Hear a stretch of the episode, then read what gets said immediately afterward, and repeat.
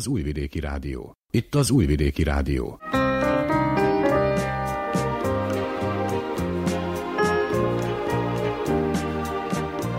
Egészségügyi mozaik.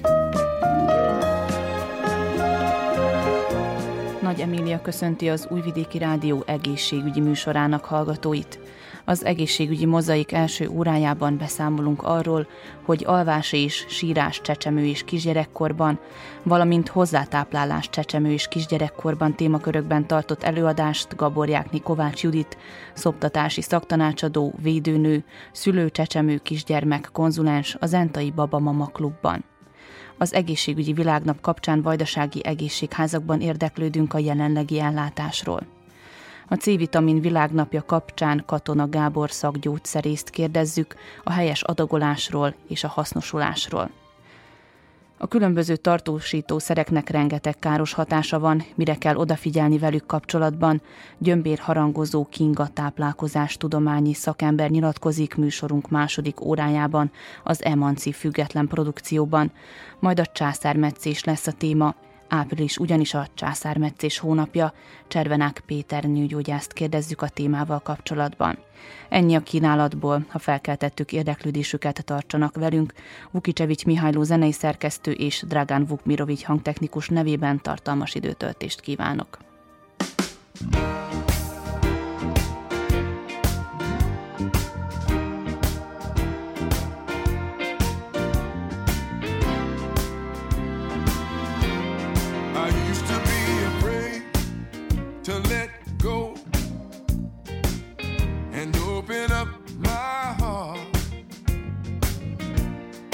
Standing in the shadows, crying in the dark. Then you turned on the light and you freed my soul. You gave me back my confidence.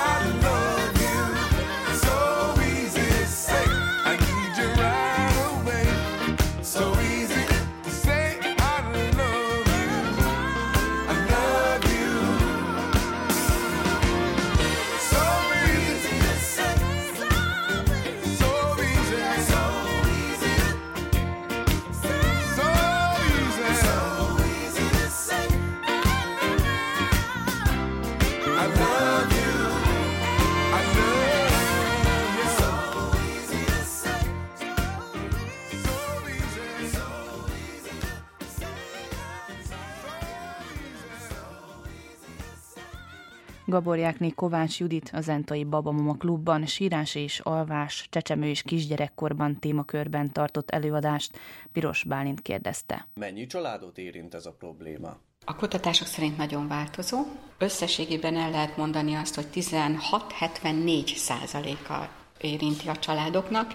Nagy különbség mutatkozik az, hogy melyik országról van szó. Ez a 74-75 százaléknyi visszajelzés a szülőktől, ez Kínából származik például. Nagyon alacsony 10 százalék körüli Vietnámban. Ugye említettem az előadásban, hogy egyetlen európai ország az Anglia volt, ott 22 százalék, Hongkongban volt nagyon magas 67 százalék, és a magyarországi adatot tudtam hozzátenni más vizsgálatból, ott 25-30 százaléka a családoknak egyértelműen problémásnak jelzi a gyermeke alvását.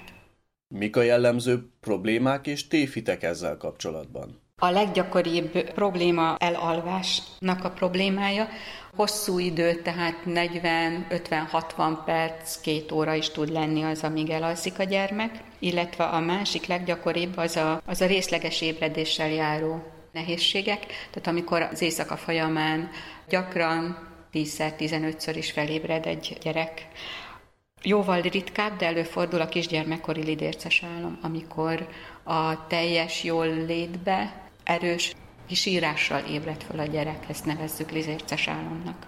Ténylegesen szüksége van a babáknak a napirendre, vagy ez inkább a szülőnek segítség? Nagyon sok esetben a szülőnek fontos. Minél kisebb a csecsemő, ott megfigyelhető az, hogy akik nem érzik felnőttként jól magukat, csak akkor, hogyha egy nagyon jól körülírható napi rendjük van, és elveszettnek érzik magukat, vagy nem komfortos számukra, hogyha ha olyan helyzetben vannak, hogy nem tudják megmondani, hogy két óra múlva mit tudnak csinálni, ők nehezebben küzdenek meg az első hónapokkal. Ugyanakkor azért az elmondható, hogy aránylag hamar, két-három hónapos kor körül, nem is egy olyan napi rend, mint a felnőtteknél, de inkább ilyen mintázatok megfigyelhetők. Tehát az, hogy, hogy körülbelül mikor ébred egy gyerek, egy csecsemő az, hogy mikor van az a napszak, amikor ő aktívabb, mikor alszik hosszabbat, mikor van az az időszak, amikor nyűgösebb, és hogy ez nem egy olyan fajta napi rend, mint a felnőtteké, de hogy ez már jól lehet alkalmazkodni a szülőnek, és ez ad nekik egy ritmus, tehát lesz egy kvázi napi rendjük. Azért azt, hogy mi miután következik, vagy milyen körülményeket teremtek egy-egy játszási helyzethez, vagy egy-egy alváshoz, azt azért érdemes a gyereknek már aránylag korán jelezni, mert hogy ezzel biztonságot tudok nyújtani neki, mert tudni fogja, hogy milyen helyzetek következnek, és ebből egy napi rend igen ki tud alakulni azért a csecsemőnkor közepére. Érdemes-e segítségért fordulni, és ha igen, mikor? Alvás terén, tehát hogyha négy-hat hetet meghaladó az az időszak, hogy hat hónaposnál idősebb gyereknél, hogy ötnél jóval többször ébred éjszaka, és nem tud visszaaludni a szülő segítsége nélkül. Illetve, hogyha hosszú ideig, tényleg a 40 percet meghaladóan ideig tart az altatás, és hogyha ez sírásba torkoló, tehát hogy látszik, hogy a gyerek számára ez nagyon nem komfortos, illetve érdemes akkor is segítséget kérni, amikor az anya úgy érzi, vagy a család úgy érzi, hogy, hogy ez most már túl megterhelő, túl sok, hogy ilyenkor végigbeszélni azokat a lehetőségeket, hogy hogyan tudnak energiát gyűjteni, hogyan tudnak segítséget kérni, vagy hogyan tudják a meglevő tartalékaikat mozgósítani, illetve érdemes átbeszélni azt is, hogy ez a helyzet mi okozhatja, vagy mik azok a tényezők, amik egy korosztályos viselkedést, vagy a, a tudom azt, hogy miért van, akkor sokkal toleránsabb tudok lenni sok esetben. Illetve hát volt egy ugye a tévhitek az alvással kapcsolatban, tehát nagyon gyakori az, hogy manipulálja a szülőt a csecsemő. Tehát, hogy azért sír, mert még többet akar, vagy csak azért, mert játszik az idegein. Na most ahhoz, hogy ilyen viselkedést mutasson, ez tudatosnak kell lenni, és ahhoz az agynak olyan területeinek kellene éretnek lennie, ami ilyenkorú gyerek ugye ezzel nem rendelkezik, illetve a szülő részéről gyakori az, hogy meg kell tanítanom aludni a gyereket, és hogy ez nem nem tanulás kérdése, hanem az idegrendszeri érettség kérdésre, vagy az, hogy rendre kell szoktatnom. Igen, előbb-utóbb a napnak menete legyen, de hogy ez azért nem az első hónapoké. Itt az Újvidéki Rádió. Válaszkész hozzátáplálás csecsemő és kisgyerekkorban témakörben is tartott előadást a Zentai Babamama Klubban Gabor Jákné Kovács Judit szoptatási szaktanácsadó védőnő, Piros Bálint hangfelvétele. Mikor lesz érett a baba emésztőrendszere a hozzátáplálásra? Több minden területen kell vagy jó, ha megvan az érettsége a gyereknek, a csecsemőnek a hozzátáplálása. Ha az élettani funkciókat nézem, akkor ez valahol az 5.-6. hónap tájéka. Ekkor több gyomorsav termelődik, több fehérjét bontó enzim termelődik a szervezetbe, tehát alkalmas lesz arra, hogy másfajta fehérjéket, illetve az anyatejnél masszívabb vételeket meg tudjon emészteni, és ez föl is tudjon szívódni, illetve lényeges az, hogy a nyelvkilökülő reflex háttérbe szorul, valószínűleg nincs fogad, de a rágó mozgás az megjelenik, és a legfontosabb, hogy a gyerek érdeklődik az étel után, kinézi a szülő szájából, nyúl érte, a kezével megfogja az ételt, a szájába teszi, tehát hogy ezek meglegyenek. Ekkor van az, hogy ők éretté tud válni már a hozzátáplálásra, illetve az, hogy megül a gyerek, tehát függőleges testhelyzetet, nem hosszú ideig, de bizonyos helyzetekben képes tartani. Mikor kell elkezdenie rendesen ennie, és nem csak kóstolgatnia a babának? Nagyon sok szoptatott babánál a 8-9 hónapos, inkább 9 hónapos kor az, amikor ők mennyiséget megesznek már az ételekből. Az, hogy saját kezüleg is akár tevékenyen a szájába teszi és megrágja, nagyobb mennyiséget megeszik belőle. Addig tényleg csak a kóstoltatás, tehát hogy ismerkedik az ízekkel, az állagokkal, és nem adagot eszik meg belőle. Mik a jellemző tévhitek és problémák a hozzátáplálással kapcsolatban? A leggyakoribb probléma az, hogy még mindig sok cukrot adnak a szülők. Cukrozzák azokat az ételeket, amiket ők maguk is édesen esznek meg. Aztán gyakran fordulnak elő a tejdesszertek, aránylag korán bevezetik és elég sűrűn, illetve a nem válaszkészítetés a még gyakori, tehát hogy nem az ő ritmusában, gyorsabban etetik, figyelmet elterelve etetik őket, az, hogy jutalmazzák, vagy büntetik azt, hogyha megeszi, vagy nem eszi meg, az összes ételt meg kell lenni, tehát ennek sok-sok variára tud lenni, illetve, hogy azért, mert koszos lesz a gyerek, vagy a környezet, ezért, ezért az önálló étkezést kevésbé támogatják. Tehát biztosabbnak érzik azt, hogyha ő eteti, mert akkor a környezet tiszta marad. Leggyakoribb téfitek azt, hogy a hozzátáplálás kezdetekor már adagot kell megennie a gyereknek, az, hogy havonta vagy bizonyos idő közönként kevesebb szer szopjon, teljes étkezésként kapja a hozzátáplálást. Ez egyébként ugye az elválasztás kategóriájába tartozik, tehát nem kell x adagot, x millilitert megennie a hozzátáplálás elején egy gyereknek illetve leggyakoribb tévhit még például az, hogy a tejpép kóstoltatása négy hónapos kor környékén, ugye a hozzátáplálást valahol ugye hat hónapos kör környékén javasolják kezdésnek, és négy hónapos környékén azért kóstoltatni vele tejpépet, hogy szokja az ízeket. Tejpépek, tehát a gyárilag előállított ételek mindig ugyanolyan ízűek, azért otthon ugyanolyan ízűt nagyon ritkán tudunk elkövetni, nem érdemes ebbe belelépni, vagy az, hogy kevés súlygyarapadásnál előrehozni a hozzátáplálást, hisz amit először az első pár hétben, egy-két hónapban kínálunk a gyereknek hozzátáplálásként, annak a legtöbbjének a kalóriatartalma kevesebb, mint az anyatej vagy a tápszer vagy hogy szoptatás terén és hozzátáplálás terén még az a leggyakoribb, hogy hat hónap vagy egy év után, ugye ez változó időtartamokra tudják mondani, hogy nincs már tápértéke az anyatejnek, vagy hogy kevés. Mik a fontos és betartandó szabályok a hozzátáplálásban? Az, hogy, tehát, hogy mit adjunk, vagy mit ne adjunk, tehát egy éves kor alatt nem javasolt főétkezésnek a tehéntej, nem javasolt füstöltárút adni, olyan élelmiszert, amiben tartósítószer van, a nyers mézet nem javasolt adni, de az mondjuk az két éves korig, kerek alakú gyümölcsöket egészben adni, keményebb, nagyobb darabokat egészben adni, vagy csonthéjasokat egészben adni nem javasolt. Tehintejet főétkezésként adni egy éves kor alatt szintén nem javasolt, illetve a teljes tojást adni nem szoktak még egy éves korig, és sózni sem. Vagy nagyon minimálisan, de inkább jobb nélküle. Mikor érdemes segítséget kérni? Azokban az esetekben érdemes segítséget kérni, hogyha itt is a 4-6 hetet meghaladó az az időszak, hogy teljesen visszautasítja az ételt, vagy visszautasítja a kanalat, de itt, hogyha emellett ő saját kezével teszi a szájába, akkor ez nem lényeg. Tehát, hogyha egyetlen forrás a kanál, és azt elutasítja, akkor ez ott már érdemes.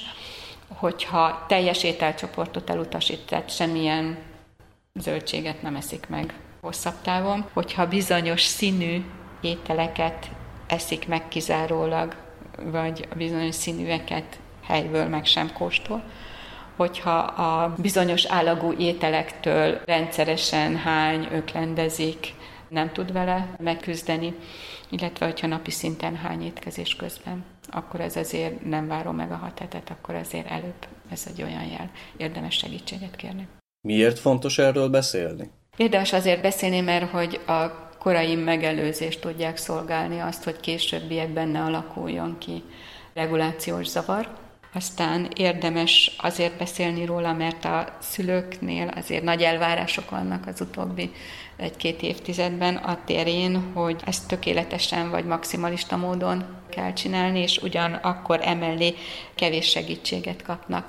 És ezt azért nagyon korán elkezdük azért már például a szülészeti intézményben, tehát olyan, mintha hátra kötött kézzel kellene ugrálni, azzal, hogy például segítséget nem engedünk be, sokszor érthető okok miatt, de ugyanakkor a nők azért a gyerekükkel 24 órában, teljes 24 órában nem maradtak egyedül, tehát volt segítség mellettük. Ezért is érdemes beszélni, illetve régen volt egy reklám Magyarországon, hogy megkérdezték arra járóktól, hogy ismerik-e az autójuknak a paramétereit, mennyit fogyaszt, milyen űrtartalmú, stb. És aztán utána ezt végig kérdezgették a saját testükkel kapcsolatban, mennyi a vérnyomásuk, mennyi a pulzus, és hát ezt az utóbbiakat kevésbé tudták, és hogy úgy érzem, hogy ez itt most a gyerekek terén is fennáll, tehát hogy érdemes tájékozódni arról, hogy bizonyos korú gyerektől mi az elvárható, vagy mi a jellemző rá, mert sokszor nagy feszültségeket tud megoldani az, amikor megtudom azt, hogy a saját gyerekem körülbelül ugyanúgy csinál, mint az átlag, a legtöbb gyerek. És sokszor ugye nem látom, mert hogyha első gyerekem, egyetlen gyerekem, nincs körülöttem 10-15 gyerek, akkor nehezebben tudom összemérni, hogy a többiek azok hogyan állnak ezen a téren.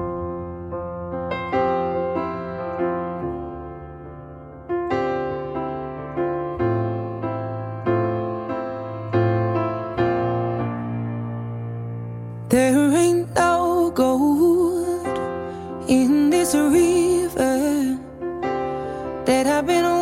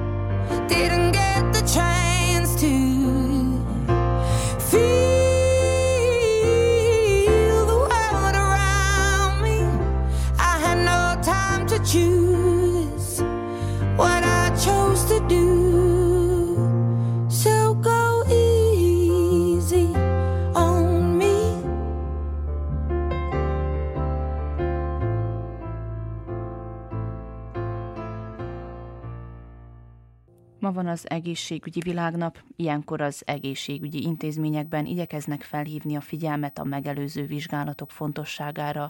Így tesz a Magyar Kanizsai Egészségház is, mondja Gyólai Karolina igazgatónő. A Magyar Kanizsai Egészségház, mint minden évben, ebben az évben is megpróbálja az egészség világnapját, ami most 7-én, április 7-én van, valamilyen módon megszervezni, illetve a polgárok egészségvédelmét növelni. Mint tudjuk, ezelőtt tíz nappal már megkezdtük az akcióinkat, megelő vizsgálat volt, szűrővizsgálat a vastagbérák ellen, ahol nagyon szépen a polgárok jelentkeztek, és 200 mintát vettünk át, ami mondhatjuk, hogy nagyon szép eredmény, tehát a polgárok öntudatosan vigyáznak a saját egészségükre, és a megelőző vizsgálatokat használják is. Ezen a héten több akciónk lesz, nem megelőző vizsgálatokra vonatkozóan csak, amit valójában a polgár bármikor kihasználhat, hanem előadásokat is tartunk, például a Horgosi Kultúrközponttal egy nagyon aktuális téma lesz felhozva a pszichológusunk által, a depresszió és annak megelőzése, illetve hogyan ismerjük fel az első jeleket, mivel hogy ez az elmúlt időszak nem csak a felnőttekre, de a gyerekeknél is sajnos megnövelte a depressziós tüneteket, illetve sajnos a depresszió is. Ezen felül nagyon fontosnak tartjuk ezen a héten, mint általában mindig, hogy az orvosokat is tovább képezzük, ezért lesz egy továbbképzésük a héten a cukorbetegség és annak újdonságairól, tehát nagyon fontos téma, mivel hogy tudjuk, hogy ebben a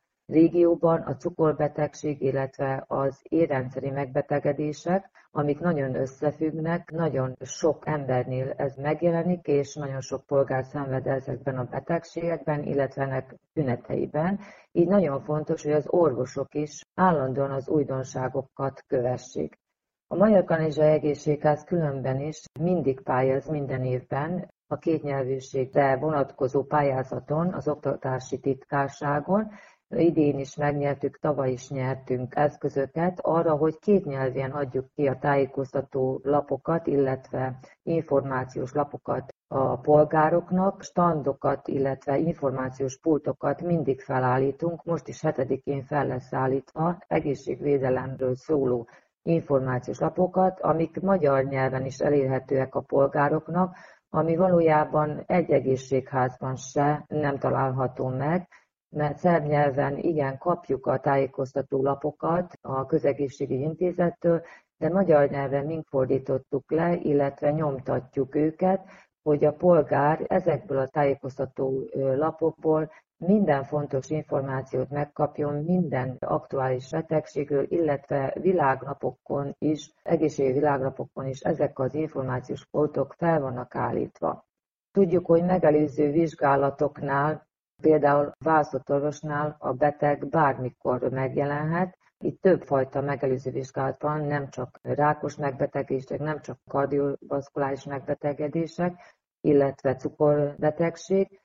A depresszió is egy megelőző vizsgálat, amit az orvosnál egy űrlap alapján tudunk felmérni, amit kitölt a beteg, és az egy olyan eredményt hoz az űrlap, ami arra utal a választott orvosnál, hogy igen, szükség van további kezelése, akkor pszichológushoz, pszichiáterhez utalja a beteget. Ez a hét nagyon fontos, hogy mindenki még jobban felkészítsük a polgárokat arra, hogy a megelőzés igen fontos, hogy megelőző vizsgálatokra, amikor szervezünk jelenleg meg, rendszeresen szervezünk megelőző vizsgálatokat, még a tavalyi évben is a Covid helyzetben több megelőző vizsgálatunk volt kardiovaszkuláris, tehát érrendszeri és szívmegbetegedése, illetve cukorbetegség megelőzésére, és a polgárok, köszönjük is nekik, mindig rendszeresen megjelentek, és használták ezt a lehetőséget, hogy gyorsan, várakozás nélkül ezeken a vizsgálatokon átessenek.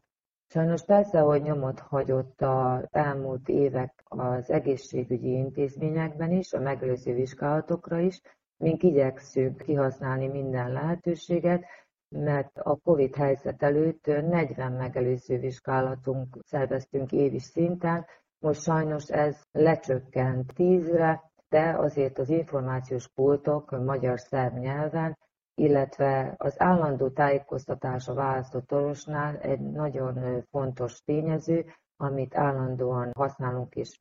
Nagyon örülünk annak is, hogyha egy megelőző vizsgálatot szervezünk, a környékbeli községekből is jelentkeznek polgárok, meglepő módon Adáról, Törökkanizsáról, Szabadkáról, tehát ezekből a községekből is, hogyha jelentkeznek, például volt most vastagbérák szűrésünk, nem utasítunk vissza senkit, akár honnan jön a polgár, ezek a megelőző vizsgálatok mindenkinek nyitottak, és mindenkinek elérhetők a Magyar Kanizsai Egészségházban is. Fölöleltük nagyjából a, a jelenlegi helyzetet, de azt is tudjuk ugye igen, hogy a beteg ápolókból, orvosokból, nővérekből, mindenből hiány van a maguknál az egészségházban. Mi a helyzet ilyen szempontból? A Magyar Kanizsai Egészségház is persze, hogy megérezte a COVID helyzetet, mivel hogy új kórházak nyíltak nagy központokban, akik magukba szippantották az új orvosokat, illetve hát a magasan képzett kádereket, illetve hát a középkádert is. Ezért nagyon nehezen tud most minden kisebb intézmény orvos találni és pótolni a természetes úton elment, tehát nyugdíjba vonult, illetve hát másokból eltávozó szakkáder. Így van ez Magyar Kanizsai Egészségházban is, illetve minden más kisebb egészségügyi intézetben, hogy hiába írjuk ki a pályázatokat, nagyon kevés orvos jelentkezik, tehát nagy választási lehetőségünk ebben a pillanatban nincs, hiány szenvedünk orvosban, ahogy más egészségházak is, mivel hogy vonzóbb egy nagy városban, kórházban dolgozni, az Újvidéken, illetve Belgrádban végzett orvosoknak, illetve hát akik itt vannak persze nem mennek el, tehát az, arra nem panaszkodhatunk, hogy külföldre távoznak vagy máshova, de sajnos azért nyugdíjba vonulások vannak, Mink nagyon igyekszünk, hogy a meglévő káderral oldjuk meg mint a egészségügyi ellátást, alapszinten, tehát ami egészségháza vonatkozik, erős a szak specializált káder felhozatalunk is, tehát egy helyen, mivel egy kórház nincs környékünkön, próbáljuk megoldani mint a választott orvos ellátást, mint a labor, röntgen, illetve ultrahangos diagnosztizálást, ez mellett gyermekosztály, nőgyógyászat, belgyógyászat, fülorgégészet és más szakemberek is elérhetőek nálunk. Arra törekszünk, hogy a polgárok ne kelljen, hogy utazzanak 20-30 kilométert a kórházakba, hanem egy helyben mindent megkapjanak, de azért tudni kell, hogy ez nagyon nehéz helyzet, mivel hogy kevés orvos arra kényszerít bennünket, hogy a falvakban kicsit csökkenteni kellett a rendelések számát, öt napot rendelt falun az orvos, most sajnos le kellett csökkenteni három-négy napra, hogy el tudjuk látni a meglévő káderrel mint az immunizációt, mint a COVID rendelőt, mint az alapellátást, mint a mentőszolgálatot, tehát sajnos még mindig a szakkáderben hiány szenvednek a kisebb egészségügyi intézmények. A Magyar Kanizsai Egészségház nagyon szépen köszöni a polgároknak mindazt, amit velünk együtt az elmúlt két és fél évben eltűrtek, és a sok türelmet, várakozás nem volt nagy mértékben, de azért türelemre szükség volt a polgárok részéről is, és köszönjük szépen, hogy mellénk álltak, és segítettek ezt a nehéz helyzetet túl vinnünk és átélnünk, és reméljük, hogy az elkövetkezőkben is így lesz, hogy együttműködés a polgárokkal magas szinten fog történni. Az Újvidéki Rádió műsorát hallgatják. Az adai egészségházban az orvos hiány a legnagyobb probléma. A koronavírus azonban bár nem nehezíti meg annyira a munkát, mint az elmúlt évben, mondja Balog András igazgató. Tagai év az adai egészségház számára ugyanúgy, mint az azt megelőző, igen tel is tele volt kihívásokkal. Nagyon sokat dolgoztunk, az mellett, hogy a nem COVID programot szinte száz százalékban a tervünket teljesíteni tudtuk, mivel a COVID betegek ellátása mellett a nem COVID betegeket is fogadtuk és elláttuk. Elmondható, hogy ami a COVID betegséget illeti az elmúlt év folyamán, elvégeztünk 3400 vizsgálatot, 500 tüdőröngent, 650 betegszállítást a COVID miatt, beadtunk 13 és fél ezer vakcinát, nagyon megterhelő volt, ugyanis a dolgozók létszáma nem növekedett, mi több, még folyamatosan orvoshiányjal küzdködünk, úgyhogy igen komoly megterhelés volt a számunkra. Azon kívül a nyár folyamán, augusztus hónapban Adán zajlott a munkásportjátékoknak egy ilyen versenye, ami majd előkészítő a jövőre sorra kerülő munkás olimpiára, és az augusztusi vikendeken mi biztosítottuk az egészségügyi ügyeletet ezeken a terepeken, és ott is több mint 280 órát, munkaórát valósítottunk meg, több mint 200 orvosi vizsgálatot a sportolóknál, és ezt mind ugyanaz a személyzet végezte, úgyhogy nagyon sok évi szabadsággal adósak maradtunk a, a dolgozóknak, azon kívül végtelenül sok túlórát valósítottak meg. Elmondhatom, hogy igencsak megterhelő fárisztó volt a tavalyi év a mi egészségházunk számára, de valahogy túléltük, és reménykedünk, hogy az idei év bizonyos mértékben könnyebb lesz. Mutassa be, legyen szíves az egészségházat, milyen szakorvosok találhatók az egészségházban, és milyen betegségekkel tudnak megküzdeni. Az Adai Egészségház a legkisebb egészségházak csoportjába tartozik, ugyanis 16 ezer lakos egészségügyi ellátására vagyunk hivatottak, a legközelebbi kórház pedig 20 kilométerre van hozzánk, úgyhogy nálunk van általános szolgálat a mentőszolgálattal közösen, azután van gyermekgyógyászati szolgálat, nőgyógyászati szolgálat, és az a patronás szolgálat. Van egy fogorvosi részleg, ami a szakorvosokat illeti, hát nálunk belgyógyász dolgozik, azon kívül ideggyógyász, van még laboratóriumunk, ami komplet, és van röntgenszolgálatunk úgyhogy az alapellátást tudjuk biztosítani, a többi szakorvosi ellátást, illetve vizsgálatokat, azokat a Zentai Kórház, illetve kisebb részben a Kikindai Kórház hivatott ellátni. Összesen 82-en vagyunk, az Adai Egészségházban már már sok éve, és azóta ezt a kádorállományt, illetve kádértervet bővíteni nem sikerült. Kifelejtettem, hogy természetesen van szakszolgálatunk, ugye, ami a, az adminisztrációt, pénzügyet illeti. Így néz neki az adai egészségháznak az összetétele.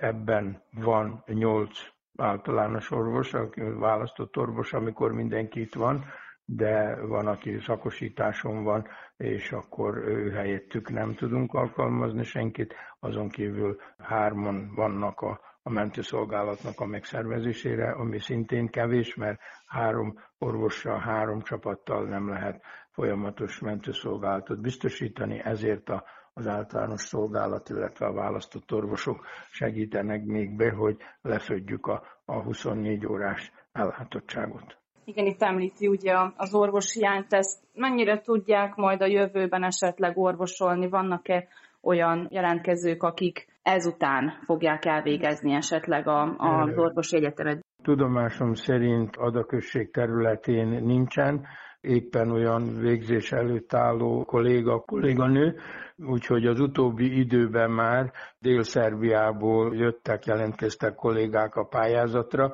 Pillanatnyilag két orvosi hely is üres, folyamatosan hirdetjük a pályázatot, és sajnos, hogy senki nem jelentkezik, úgyhogy azért az elég nagy ará nagy rész két orvos nélkül dolgozni folyamatosan, akkor, amikor ugye mellette a szabadságok is itt vannak, most megint közeledik, úgyhogy nem egyszerű. Kérdezte a, a patológiát, a betegségeket. Hát primáris szinten mindenféle betegséggel foglalkozunk. Ránk is az jellemző, ami a többi, így mondjam, vajdasági bácskai községre, hogy első helyen ugye a szív- és érrendszeri megbetegedések, a rossz indulatú daganatok, utána a sérülések és a, a többi, úgyhogy vegyes, specifikus valami patológiánk nincsen, valami különleges. Ami a, mondom, az ellátottságot illeti a környező községekben is ugyanúgy orvoshiány van, úgyhogy tőlünk is több fiatal orvos ugye esélyt kapott, hogy szakosításhoz jusson, és akkor akár az Entai kórházba távozott, de most utoljára is, ami volt ez a minisztériumnak a, ez az akciója, ugye ez a fiatal orvosoknak a szakosítás leosztása, ez nálunk azt eredményezte, hogy a meglévőkből is még ketten elmentek, pályáztak, és kaptak szakosítást, egyik verbászra ment, a másik csupriára. Úgyhogy most az ő helyüket próbálnánk majd betölteni, hogyha ha jelentkezik valaki munkára. A jelenlegi COVID helyzetről mit tud mondani? Ugye elmondtuk az eddigit, az elmúlt évet, most mi a helyzet? Erről már úgy örömmel, hogy gondolom jobb hangulatban tudok beszámolni tekintettel, hogy Adán jó órában mondjam viszonylag csöndös a Covid állapot, úgyhogy van több nap is egymás után, hogy egyetlen egy páciens jelentkezik a Covid rendelőben, történetesen tegnap épp hárman voltak, ebből egy volt pozitív. Az összlétszám a kikindai járványügyi intézet jelentése szerint, ugye, ahol ők minden adait, akár zentán diagnosztizálták, akár valahol másik kórházba, összeadja, és így van 23 pozitív esetünk mindössze adakösség területén, akik azt a hétnapos izolációt töltik. Szerencsére ezek mind enyhe esetek, úgyhogy viszonylag nyugodt, békés a a COVID állapot. Elmondhatom, hogy mindezek mellett azért bizonyos mértékű fejlődést is föl tudtunk mutatni, bővítettük a gépjárműparkunkat, a tartományi egészségügyi titkárságnak köszönve újultunk egy új mentőkocsival, az önkormányzatnak köszönve újultunk egy személygépkocsival, Szintén a tartományi egészségügyi titkárság jóvoltából egy komoly központi sterilizációra alkalmas autóklávval bővültünk, azon kívül két új EKG-val, egy defibrillátorral, apró műszerekkel, úgyhogy az ellátás az, az folyamatos volt, viszonylag műszereink jó állapotban vannak, használhatóak, működőképesek, úgyhogy legalább ezzel nincs különösebb problémánk. Azon kívül, ami az objektumokat illeti, örömmel újságolom, hogy a tavalyi évben az adai önkormányzatnak köszönve a moholi egészségügyi állomásunk esett át a felújításnak az első fázisán, ami magában foglalja a nyílászáróknak a cseréjét, ablakok, bejárati ajtók, azon kívül az összes megközelítő rész, tehát ezek az ilyen nehézséggel küzdő pácienseknek a bejárói, ugye tolókocsis bejárók fölépültek minden bejáratánál az egészségügyi állomásnak. Megtörtént az intézmény hőszigetelése és a külső festése.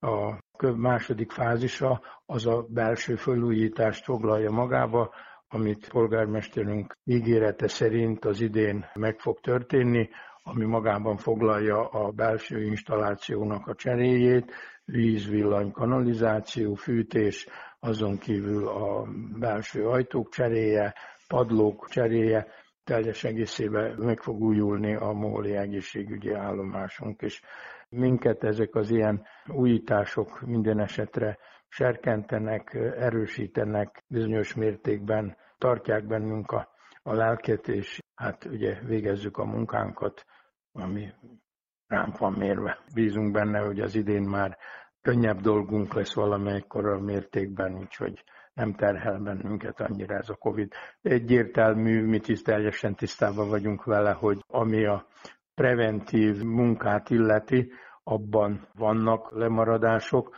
és hogy a jövőben az vár ránk, hogy a, a, a munkának azt a részét, a megelőző részét, a szűrővizsgálatokat nagyobb mértékben végezzük, és hogy valahol az, ami akár mi miattunk, akár maguk a páciensek miatt, mert többször tapasztaltuk, hogy gondolom visszafogták magukat a páciensek, elhalasztották, nem jöttek, nem mertek, féltek a fertőzéstől, vagy különböző okokból, és hogy a szűrővizsgálatokat, amit az előtt már nagyon sok éve rendszeresen végzünk, ezekben benne a két évben csökkent ezeknek a vizsgálatoknak a száma, ami hát természetesen, hogy pótlásra vár, földolgozásra, úgyhogy a jövőben, hogyha újra erőt merítünk, akkor kicsit regenerálódunk, akkor ez lesz a következő, úgyhogy munkánk az lesz az elkövetkezővel is bőven, nem tartunk tőle, hogy unatkozni fogunk. Április 4-én volt a C-vitamin világnapja. Sok hiedelemmel ellentétben a napi ajánlott beviteli mennyiség mindössze 100 és 250 mg közé tehető. Az adag növelése megfázáskor, illetve a szervezet immunrendszerének a legyengülésekor ajánlott, mondja Katona Gábor szakgyógyszerész. A C-vitamin egyébként a közhiedelemmel ellentétben nem Szentgyörgyi Albert találta fel, tehát nem ő izolálta a molekulát, illetve határozta meg annak a molekula szerkezetét, viszont Szentgyörgyi Albert volt az, aki bebizonyította a biológiai hatását, tehát hogy milyen hatása van a szaszkorbinsorvnak a, a szervezetre, és hát mi is feltehetjük ezt a, ezt a kérdést.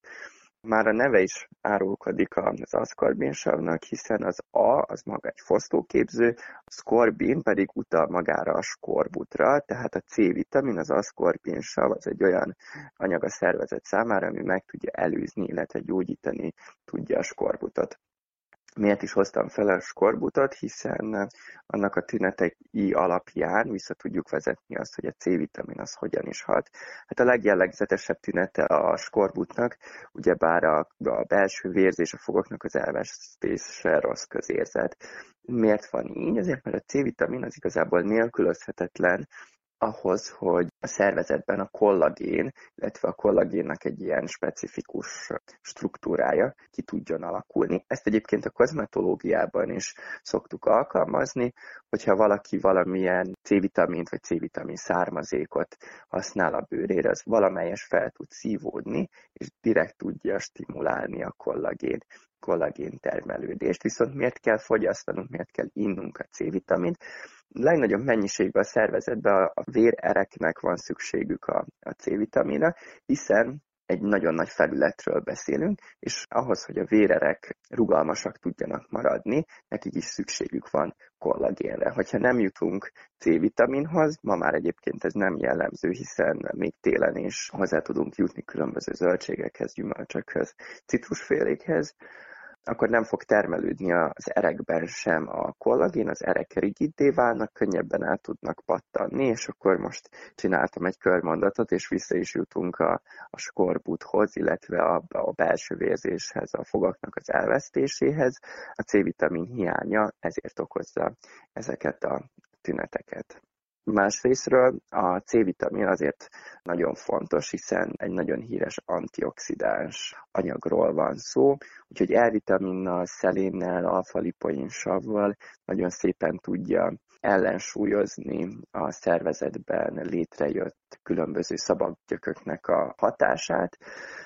Ami a mennyiségeket illeti, az én szakmai véleményem az, hogy napi 100-200 mg-nál többet igazából nem is érdemes fogyasztani.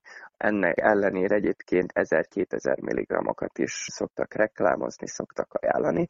Az a baj a szájánál történő C-vitamin szedéssel, hogy a szervezetnek igazából egy olyan 100 mg-ra van szüksége naponta, és hogyha nagyobb mennyiséghez jut hozzá, akkor egyszerűen a béltraktusban lévő csatornák, amiken fel tud szívódni ez a, ez a vitamin, leépülnek. Tehát, hogyha mi nagy mennyiségű C-vitamint fogyasztunk nap mint nap, akkor egyszerűen nem fog tudni felszívódni.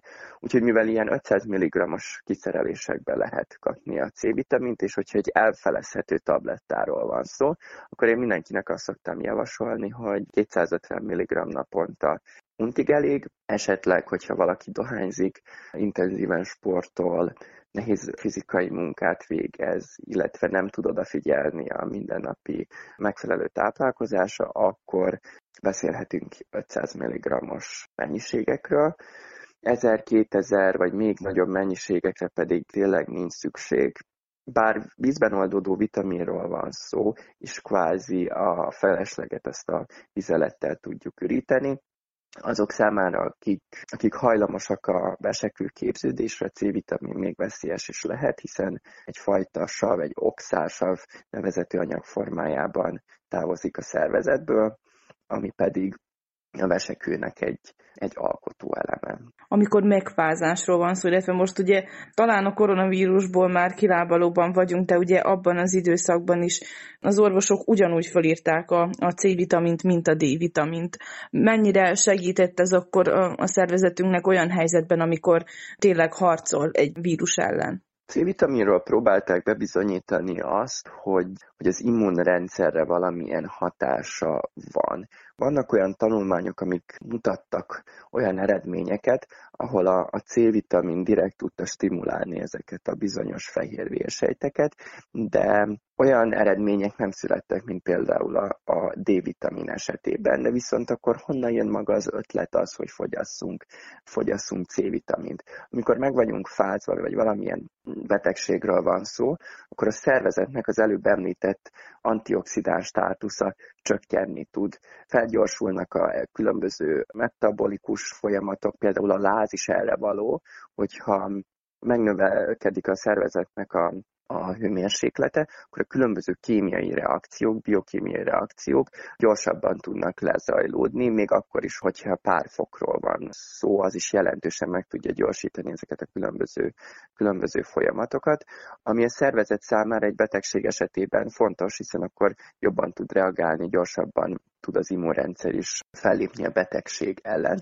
De hogyha felgyorsulnak ezek a különböző biokémiai folyamatok, akkor a nagyobb mennyiségű szabadgyök is keletkezik. Summa summarum, a C-vitamin igazából a szervezetnek ezt az antioxidáns státuszát tudja visszaállítani, és hogyha a szervezetnek nem kell foglalkoznia ezekkel a folyamatokkal, akkor jobban tud koncentrálni magára a betegségre. Úgyhogy én is azt szoktam javasolni, hogy ilyenkor akár 500 mg-ot is nyugodtan bevehetünk egy hétig, kettő, akár egy hónapig, azért, hogy fel tudjuk a szervezetet készíteni magára a betegség elleni küzdelemre. Most itt ugye főleg a tablettás formáról beszélünk. Mi a helyzet a pesgő tablettákkal, mennyire jobb az egyik, mint a másik? Hát a C-vitamin szempontjából, illetve hogyha, hogyha szájon át történik maga az adagolás, akkor ez nagyon individuális, attól függ, hogy kinek mi a kényelmesebb. Valaki oldat formájába szereti meginni, tehát hogyha pesgőtablettát használ, én akkor csak arra hívnám fel a figyelmet, hogy a C-vitamin az elég könnyen bomlik. Tehát, hogy amint feloldottuk magát a pesgőtablettát, akkor fogyasszuk el ezt a magát az oldatot lehet tablettában, kapszulában, igazából tényleg attól függ, hogy, hogy mi a, a kényelmesebb, a tabletta formák, amik nincsenek bevonva, azok esetleg irritálni tudják a gyomornyák a hátját, hiszen az a, egy savról beszélünk, aszkorbin savról, tehát azok, akiknek érzékenyebb a gyomra, válasszanak oldat vagy kapszula formákat. C-vitamin esetében még esetleg arra lehet odafigyelni, hogy olyan terméket válaszunk, amiben még különböző bioflavonoidok vannak, hiszen bebizonyították azt, hogy a szájon át történő C-vitamin esetében, hogyha olyan anyagokkal együtt vegyítjük, amely anyagok egyébként a különböző zöldségekben és gyümölcsökben is megtalálhatóak, akkor sokkal jobb a felszívódása. Úgyhogy C-vitamint már nagyon olcsón is lehet vásárolni, egyébként azzal sincs semmi probléma. Hogyha látunk egy picit drágább terméket, akkor föltételezhetjük azt, hogy, hogy ilyen bioflavonoidokkal látták el pont a, a jobb biohasznosulás véget, de hogyha nem vagyunk biztosak a dolgunkban, akkor nyugodtan kérdezzünk meg egy gyógyszerészt, egy kollégát a tára mögül. Én te! Én te!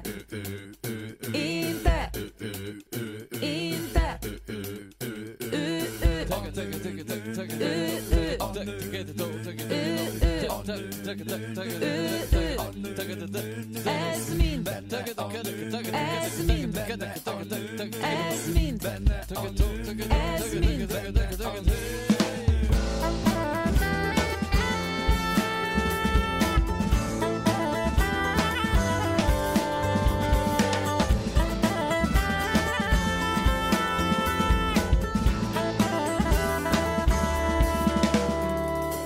Emanci a női leg. Női témák nem csak nőknek. Minden héten az Újvidéki Rádióban.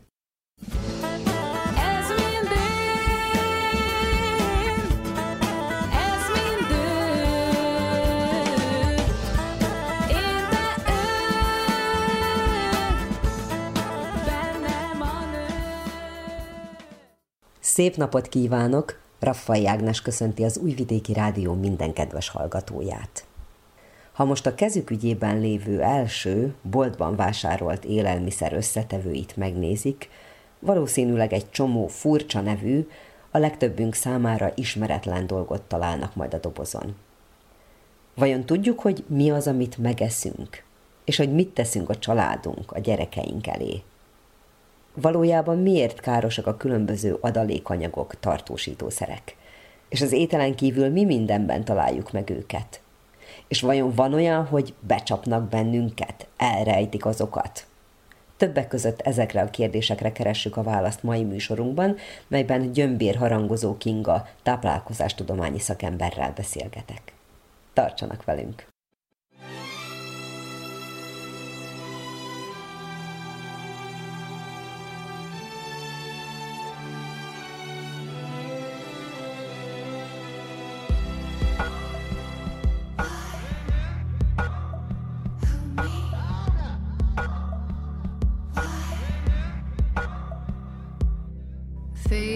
don't fail.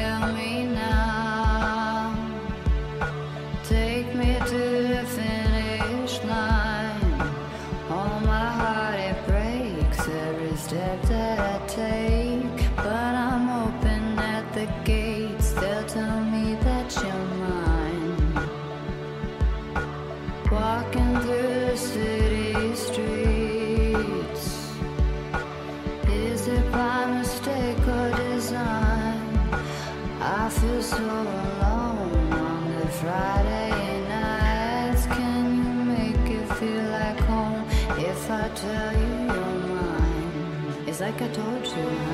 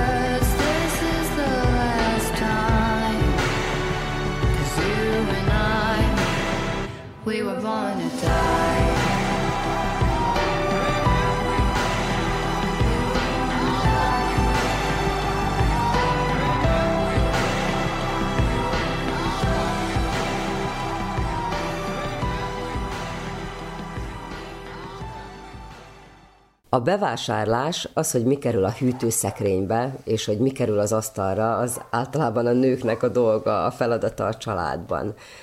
Hogyha van időnk, meg van kapacitásunk, akkor a legtöbben igyekszünk tudatosan vásárolni, és a lehető legegészségesebb dolgokat tenni az asztalra, de aztán bizony néha kiderül, hogy ami első ránézésre egészségesnek és jó választásnak tűnik, az mégsem az, egy csomó káros dologgal vannak tele a termékek, amiket megveszünk. Hát mi az, amire nagyon kellene figyelni, vagy amit jó lenne nagyon elkerülni? Hát igen, ez a, az igyekezet, ez többé-kevésbé szokott sikerülni, de azt gondolom, hogy egy pici tudatossággal, hogyha egyszer már mondjuk egy terméknél megbizonyosodunk róla, hogy ez oké, okay, akkor már utána nem nehéz ugyanazt levenni a polcról, de én nagyon sokszor járok úgy új termékek kapcsán, hogy hú, nagyon megtetszik, leveszem, és elkezdem olvasni, hogy mi van benne, és ugyanazzal a lendülettel teszem vissza a polcra. Tehát hát amit ugye érdemes elkerülni, széles a skála, a tartósítószerek és az adalékanyagok alapvetően nem az a baj velük, hogy károsak az emberi szervezetre, természetesen ez is, de inkább az, hogy mindenben van. Tehát, hogy nagyon meg kell nézni, hogy mi az, amiben nincs mert hogy ezek fel tudnak halmozódni. Tehát nem az a baj, hogy most egy valamit megeszünk, amiben van tartósítószer, vagy bármilyen adalékanyag, színezék és társai, hanem hogy ezt halmozottan tesszük meg, és szinte napi szinten többször. És valójában ez okoz aztán előbb-utóbb problémát, és ez a halmozottság ugye most figyelhető meg legjobban a gyerekeinknél mert egyre többnél előfordul, hogy valamilyen hasfájás, kiütések, allergiák, bronhitis asztmáról nem beszélve, és egyre többen küzdenek ilyen jellegű betegségekkel, és a kiinduló okot nem tudjuk. Rá lehet fogni bármire, de őszintén szólva nem tudják kideríteni, hogy akkor most mi is okozta, és, és köztük vannak ezek az adalékanyagok, amik okozhatják, akár most így a bőr problémáknál az ekcéma pszoriázis kapcsán is bejöhetnek, mint problémát okozó faktor. Úgyhogy ezt nyilván azért találták ki őket, mert valamilyen szinten ugye a gombák, baktériumok növekedését gátolják, illetve nyilván valamilyen szinten tartósítsák az élelmiszereinket, de én úgy gondolom, hogy nem feltétlenül van rá szükségünk. Ami szerintem még elborzasztó, hogy a bevásárlóközpontokban a 60, több mint a 60 százaléka az élelmiszereknek ultra feldolgozott ami szinte nem is áll másból, szinte csak adalékanyagból, meg tartósítószerből. Hogy lehet ezt kikerülni? Lehet? Igen. Igen, hát nagyon tudatosan. Nagyon tudatosan lehet tényleg egyszer kell belefektetni az energiát, én úgy gondolom, hogy tényleg megnézzük, és utána jól beváltakat vásároljuk újra. Úgyhogy szerintem ez a megoldás. Amire én őszintén szóval felhívnám a figyelmet, az az ízfokozók, ez a nátriumglutamát. Ez az E621-es, és nagyon szeretik elbújtatni, hogy átnevezik, például hidrolizált fehérje, szintén azt jelenti, hogy, hogy nátriumglutamát tartalmú. Az a baj vele ugye, hogy hozzászokás, tehát pont az, hogy, hogy az ízt fokozza, és egy nagyon jó érzés, meg az agynak is egy ilyen információ, hogy ebből kérek még, attól függetlenül, hogy káros, és ez nagy mennyiségben amúgy idegméreg. Tehát aki például migrénnel küzd, az nagyon széles körben kerülje el például ezt az ízfokozó adalékanyagot, de a fokozott használata, tehát bevitele, ugye amire nem is figyelünk, okozhatja az elhízást, a metabolikus szindrómát, az inzulinrezisztenciát, meddőséget, viselkedészavarokat, tehát elképesztő, hogy milyen széles spektrumon mozog a, a káros hatása és például a vajdaságban az egyik legelterjedtebb ételízesítőnknek is egy alkotó része, ez nem más, mint a vegeta, hogyha mondhatok a nevet. Sajnos, úgyhogy ezt jól gondoljuk meg, hogy használjuk-e. ez egy modern kori termék? Tehát, hogy ezek ilyen mesterségesen előállított valami vegyületek tulajdonképpen? Hát igen, a legtöbb. A legtöbb az igen. Ez, hogy miért, ez nyilván itt az ipari forradalom kapcsán jöttek ezek az élelmiszeriparba, ugye, hogy most például, hogy csak azt nézzük, hogy egy háború alkalmával a katonákat el kell látni, azt hogyan, tehát hogy egyrészt hordozható legyen, eltartható legyen, tehát a konzerveknek akkor jött a, úgymond a virágkora, és akkor kezdték el ezeket nézegetni, kísérletezgetni vele, hogy mi az, ami, ami ugye ezt így eltartsa, és ugye hát a, sajnos a népesség növekedés is ezt hozta, hogy ugye innen-onnan országokat, tengereket járnak, meg élelmiszerek, tehát hosszabb utat tesznek meg, még egyik A pontból B pontba eljutnak, és egyszerűen az már nem járható út, hogy néhány nap vagy egy hét legyen valaminek az, az eltartatósága. Ami jó hír, hogy bevethetjük a régi hagyományos eljárásokat, tehát most például én néhány évvel kezdtem befőzni, lekvárt készíteni például, és abszolút működik az a teljesen egyszerű eljárás, hogy az üveg forralás után, hogy belekerül a forró lekvár, lezárja az ember, megfordítja néhány percre, aztán dunszba helyezi, és kiül, és két-három éves lekvárok vannak a polcomon, amik kibontom, és semmi baja, tehát és nulla tartósítószer nincs benne, sőt, még cukor sem, tehát ezek működnek, csak ugye nem így készítik, mert nyilván a boltokban az ultrafeldolgozott élelmiszerek között azért nem talál az ember százszázalékos gyümölcslekvárt. Tehát érdemes az időt és az energiát azért ebbe bele fektetni, és úgy gondolom, hogy ez a mostani világ e felé tendál, tehát hogy kicsit kapjunk már észhez. Ez az elmúlt járvány is szerintem ezt eredményezte, hogy igenis, hogy kapjunk észhez, hogy meg kell néznünk, hogy mit teszünk az asztalra nem csak magunknak, hanem a gyerekeinknek is, és ez egy nagyon nagy felelősség. A másik ilyen, amit így egy picit kiemelnék, a nátriumbenzoát és a, a káliumbenzoát.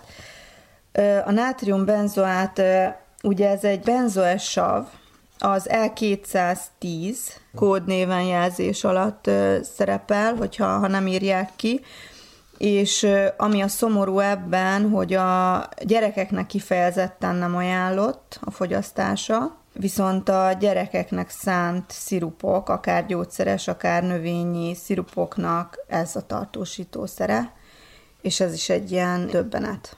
Az a baj vele, hogy például C-vitaminon együtt alkalmazva benzol keletkezik, ami egy ismert rákkeltő anyag. És persze így, a, tehát amíg az emberi szervezet kompenzál, meg működnek ezek a kompenzációs folyamatok, méregtelenítési folyamatok, addig ezzel nincsen gond, tehát hogy így megküzd vele a szervezetünk. Csak mondom, tehát itt a, itt a halmozottság, amikor már ö, napi szinten többször találkozik vele a, a szervezet, és akkor még ez csak egy adalékanyag tartósítószer, akkor még hol van a többi akkor egy bizonyos idő után ezek a folyamatok, főleg ha valaki erre érzékenyebb, akkor ezek kimerülhetnek, és akkor elkezdenek ezek egyszer csak gondot okozni. A gondok alatt mit értesz? Mi, mi minden történhet? Különböző olyan betegségek, amik az immunrendszerre vannak összefüggésben, tehát akár bőr problémák, de akár egy fejfájással is megjelenhet, hogy, hogy elkezd napi szinten a feje fájni mondjuk egy gyereknek, aki ugye nézünk általában, hogy most igazat mond, vagy nem, vagy mi a helyzet. De hát azért ezt egy édesanyja azért megérzi. Akár egy bérrendszeri reakció, haspuffadás, hasmenés, akár székrekedés is közrejátszhat, tehát bármi előfordulhat hogyan lehet kivizsgálni? Utána lehet járni annak, hogy éppen a szervezetünkben mi a helyzet, mennyire vannak felhalmozódva ezek a nagyon-nagyon veszélyes dolgok? Hát gyerekek esetében esetleg egy ételintolerancia teszt, mondjuk, ahol vizsgálnak rá ilyen adalékanyagokra is, vagy akár az allergiateszt, de ugye a kettő között lényeges különbség van az intolerancia és az allergia között Úgyhogy érdemes talán mind a kettőt elvégeztetni, hogyha az egyik nem hoz eredményt, akkor a másikat is. Ha ezek ugye hoznak eredményt és kimutatódnak idézőjelbe, akkor érdemes elkerülni, de alapból is. Amikor a különböző tartósítási módszereket említetted, akkor az jutott eszembe, hogy hát az sehogy sem lehet rendben, hogy én banánt eszegetek vajdaságban, teljesen mindegy, hogy melyik évszakban. Tehát az biztos, hogy epred decemberben nem kell, hogy egyek, de akkor ez azt jelenti, hogy tulajdonképpen a déli gyümölcsöknek, vagy bárminek, ami nem nálunk terem, nem is lenne helye az asztalunkon, mert hogy biztos, hogy valami elképesztő módon vannak tartósítva. Hát igen, nem is csak itt a tartósítás, most gondolj bele mondjuk egy, egy banánt, hogyan kell leszüretelni ahhoz, hogy itt a boltok polcára kerülve még friss, alig érett állapotban legyen. Tehát teljesen éretlenül szedik le full zölden, és akkor a, attól függ, hogy mivel érkezik, közben lefújják egy ilyen érlelő anyaggal, ami majd idővel, mire oda kerül a polcra, egy-két nap, három alatt megérik annyira, hogy, hogy az, az ott gusztusos legyen, és ugye megvegyük akár magunknak, akár a gyermekeinknek. Nyilván nincs azzal gond hébe-hóba, csak ez napi szinten, tehát inkább igyekezzünk a, az itt helyileg megtermett gyümölcsöket, zöldségeket fogyasztani, és szezonálisan. Ugye a késő ősz és a téli időszak az a savanyúságoknak kedvez, vagy tehát azt kell fogyasztani és ezek a befőzési eljárások tehát működnek tartósítószer nélkül is. Tehát, hogyha egy család, akár kisebb, akár egy szélesebb család, mondjuk akár nagyszülő a családnak készít, azt teljesen jól el lehet tartani, tehát a fermentációs folyamatok szintén nagyon jók például az emésztésünknek, nagyon egészségesek, tehát az egész bél baktérium háztartást újjá tudják építeni és ellátják enzimekkel a szervezetünket, szóval ezt nem hiába találták ki annó, úgyhogy ö, igyekezzünk ezt becsempészni a, a háztartásba, és ezt alkalmazni, és akkor ahogy, ahogy most már jön a tavasz, kezdenek megjelenni a friss zöldségek, friss gyümölcsök, akkor nyilván szezonhoz mérten próbáljuk a hazait választani és fogyasztani. Próbálom a kis kapukat keresni saját magam számára. Hogy, hogyha valami számomra incsiklandónak tűnő gyümölcsöt látok, amit valószínűleg ilyen érlelő csudaszerekkel fújtak be, akkor én azt már nem tudom róla eltüntetni, igaz? Tehát hiába áztatgatom szódabikarbónába, attól az még ugyanúgy tápanyag és vitaminmentes lesz, és benne vannak a káros dolgok.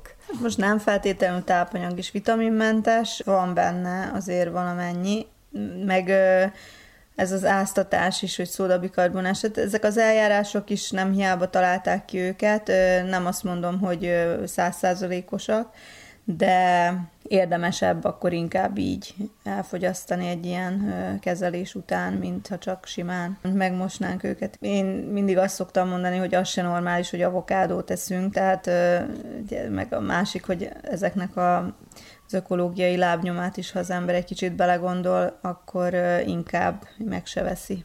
Ezek a nagyon-nagyon veszélyes dolgok, ezek a bizonyos ek, ezek azt hiszem, hogy nem csak az ételben, hanem akár a kozmetikai termékekben is megtalálhatóak. Tehát akkor nem csak a konyhánkban kell rendet tenni, hanem érdemes a fürdőszobát is átvizsgálni. Persze, hát a, gondoljunk csak bele, hogy a bőrünk mekkora felület, tehát a bőrön keresztül a felszívódás mennyire jó, tehát ha csak egy tusfürdőt veszek alapul, vagy bármit, tehát amit a bőrünkre rákenünk, az akár nyomokba is, de bekerül a, az érrendszerünkbe és a vérkeringésünkbe. Úgyhogy hát amire érdemes figyelni a kozmetikumok tekintetében, az a parabének és a, a kőolaj származékok, ami, ami annyira nem tesz jót, úgyhogy ezt szerintem érdemes elkerülni. Persze itt van számtalan más dolog is, ugye már ugye szilikonmentes, meg már mindenfélét írnak rá ugye ezekre a vegán mondjuk így termékekre, amik, amik ilyen mindenmentes, vagy inkább jobban természetes alapanyagokból állnak. Érdemes akár Szerintem most már vannak elérhető ilyen házi készítésű dolgok, akár a házi szappanok, már ez, szerintem itt is nálunk a Vajdaságban egyre többen kezdtek el ezzel foglalkozni, úgyhogy én ennek a híve vagyok, hogy minél természetesebb és minél jobban menjünk vissza a gyökerekhez is, a régi hagyományokhoz, tehát nem hiába lettek ezek kitalálva, csak ugye ez a felpörgött életünk, amit úgy próbálunk egyensúlyba hozni, hogy mindenre is legyen időnk, de közben semmire sincs. Ez nem igazán teszi lehetővé. Ezt kell először helyre tenni, hogy, hogy mi az, amire tudunk szánni időt, és akkor helyén lesznek ezek a dolgok is. Ezek a bizonyos E számmal kezdődő valami csuda, csudakódok között van olyan is, ami jó, amitől nem kell félni, vagy ha látunk egy terméken, akkor attól menekülni kell. Nem, természetesen ez nem így van, tehát ö, elég sok mindent lefettek ezekkel az elszámokkal, Például az aszkorbinsav, ugye a C-vitamin kémiai elnevezését is például E300 néven meg lehet találni bizonyos termékeken, szóval most így egy példát hozva erre, de hát a legtöbb azért nyilván nem ennyire jó, de természetesen azért nem, a, nem az összes ilyen elszám az, amitől rettegni kell. És van olyan, hogy átvernek bennünket, tehát megcsinálhatják azt, hogy nem tüntetik fel a termékeken ezeket a bizonyos anyagokat? Hát igen, úgy tudnak bennünket átverni, hogy tehát ha valamivel együtt keverik a termékbe például, akkor már nem kell, hogy föltüntessék, oh. hogy benne van. Úgyhogy igen, tehát át tudnak verni sajnos. A szervezetből magától ki tudnak ürülni, vagy ehhez valami, nem tudom, különleges diéta, terápia, kúra szükséges? Vagy elég, hogyha csak egyszer csak elkezdjük nem bevinni? Hát igen, ez lenne az elsődleges szempont, hogy ne vigyük be, a másik pedig erre találták ki a felnőtteknek a bőjtöt. Tep, tum, tararum, tep, tum, tararum, tep, tum, tararum, tep, tum, tararum. Kedves hallgatóink, ennyi fért mai műsorunkba, melyben gyömbér harangozó Kinga táplálkozástudományi szakemberrel beszélgettem. Köszönöm figyelmüket! A szerkesztő Raffai Ágnes mára búcsúzik Önöktől.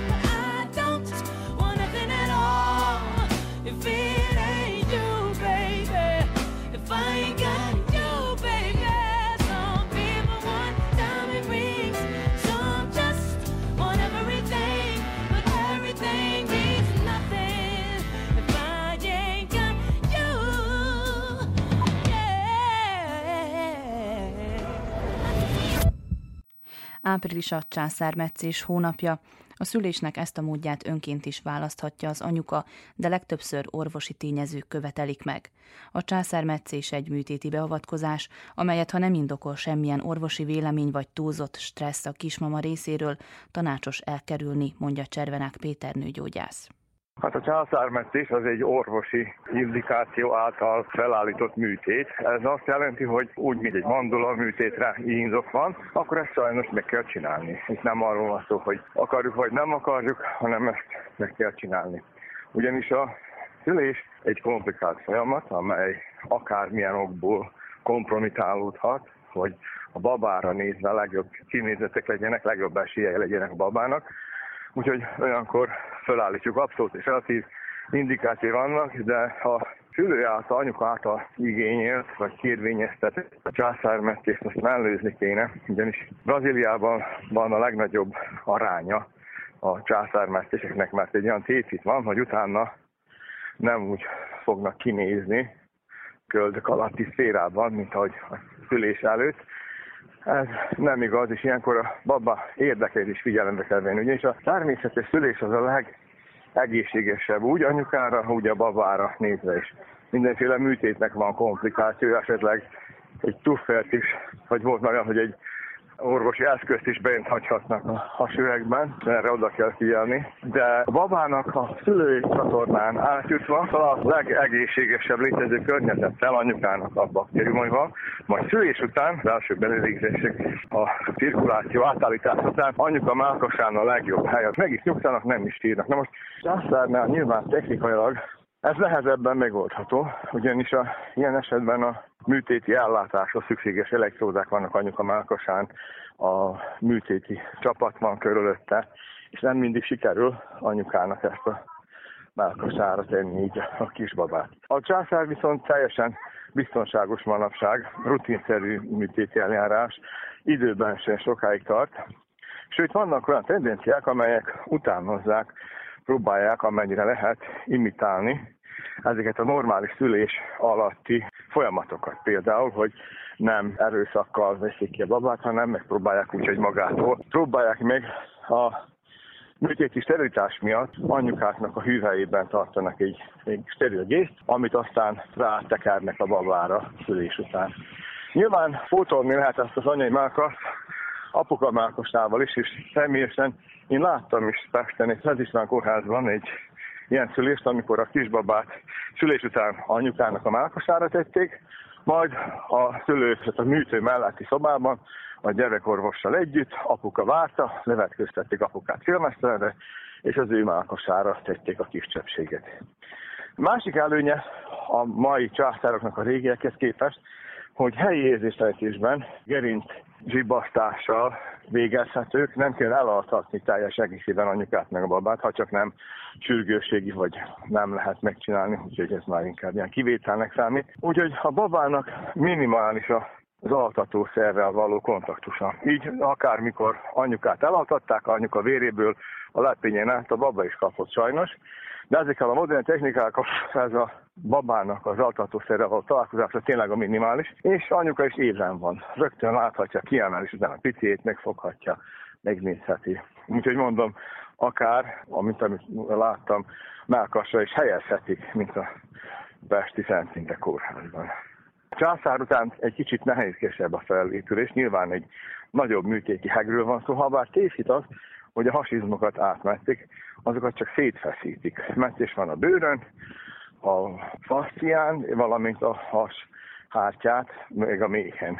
Na most ez fájhat a gyógyulás közben, sérülhet ilyenkor a hólyag is, változtathat egy kicsit az anatómiai viszonyok is, de nyilván, hogy az egy erőszakos behatolás és műtéti eljáráshoz hülyen tisztelni kell a szöveteket, valamint úgy kell visszaállítani az egészet, hogy maximálisan működő képes legyen az egész szülés után is. De nem lesz kevésbé anya az, akinek császármetése volt, ugyanis az összeköttetés anya baba között az a szoptatás, ami 75 százalék, hogyha egy százalékolhatunk ilyesmit, hogy az 70%-ban lehet ezt így mondani, úgyhogy a szoptatás az egy nagyon fontos dolog, amin a császármetszét és a hüvelykült anyukáknak is át kell esni. Most ugye elmondtuk, hogy sokan kérik azért, mert félnek egyes dolgoktól. Milyen helyzetekben indokolt a császármetszés, amikor nem lehet elkerülni? A bizonyos országokban attól függően, hogy milyen kategóriájú beteg biztosítása van, fedezheti a beteg biztosítása az anyuka kérésére történő császármetszést. Elméletileg minden anyuka meg tudna szülni, csak valakinél ez egy olyan pszichés gubancot okoz a félelem, hogy félelem megakadályozhatja. Úgyhogy elméleti módon, nyilván, hogyha vannak indikációk, mert másrészt a fartartás, vagy valami bedence, visszapoltuk, vagy túl nagy magzat, vagy valami rossz helyezkedés, ezek már orvosi indikációk, de elképzelhető egy ilyen patológiás félelem is, amikor tényleg jobbnak látják. És történt már, ilyen láttam én is, hogy el kellett adatni, és császárral befejezni a, a szülést. Kedves hallgatóink, Önök az Újvidéki Rádió egészségügyi műsorát hallották, amelynek első órájában beszámoltunk arról, hogy alvás és sírás csecsemő és kisgyerekkorban, valamint hozzátáplálás csecsemő és kisgyerekkorban témakörökben tartott előadást Gaporjákné Kovács Judit szoptatási szaktanácsadó, védőnő, szülő, csecsemő, kisgyerek konzulens a Zentai Babamama Klubban. Az egészségügyi világnap kapcsán vajdasági egészségházakban érdeklődtünk a jelenlegi ellátásról. A C-vitamin világnapja kapcsán Katona Gábor szakgyógyszerészt kérdeztük a helyes adagolásról és a hasznosulásról.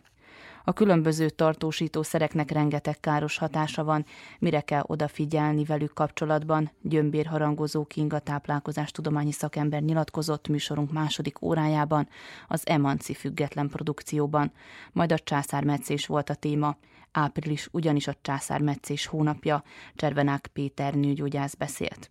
Vukicevics Mihályló zenei szerkesztő és Dragán Vukmirovics hangtechnikus nevében Nagy Emília köszöni meg hallgatóink figyelmét. Műsorunk visszahallgatható a www.rtv.rs.hu honlapon, a médiatárban, az egészségügyi mozaik cím alatt.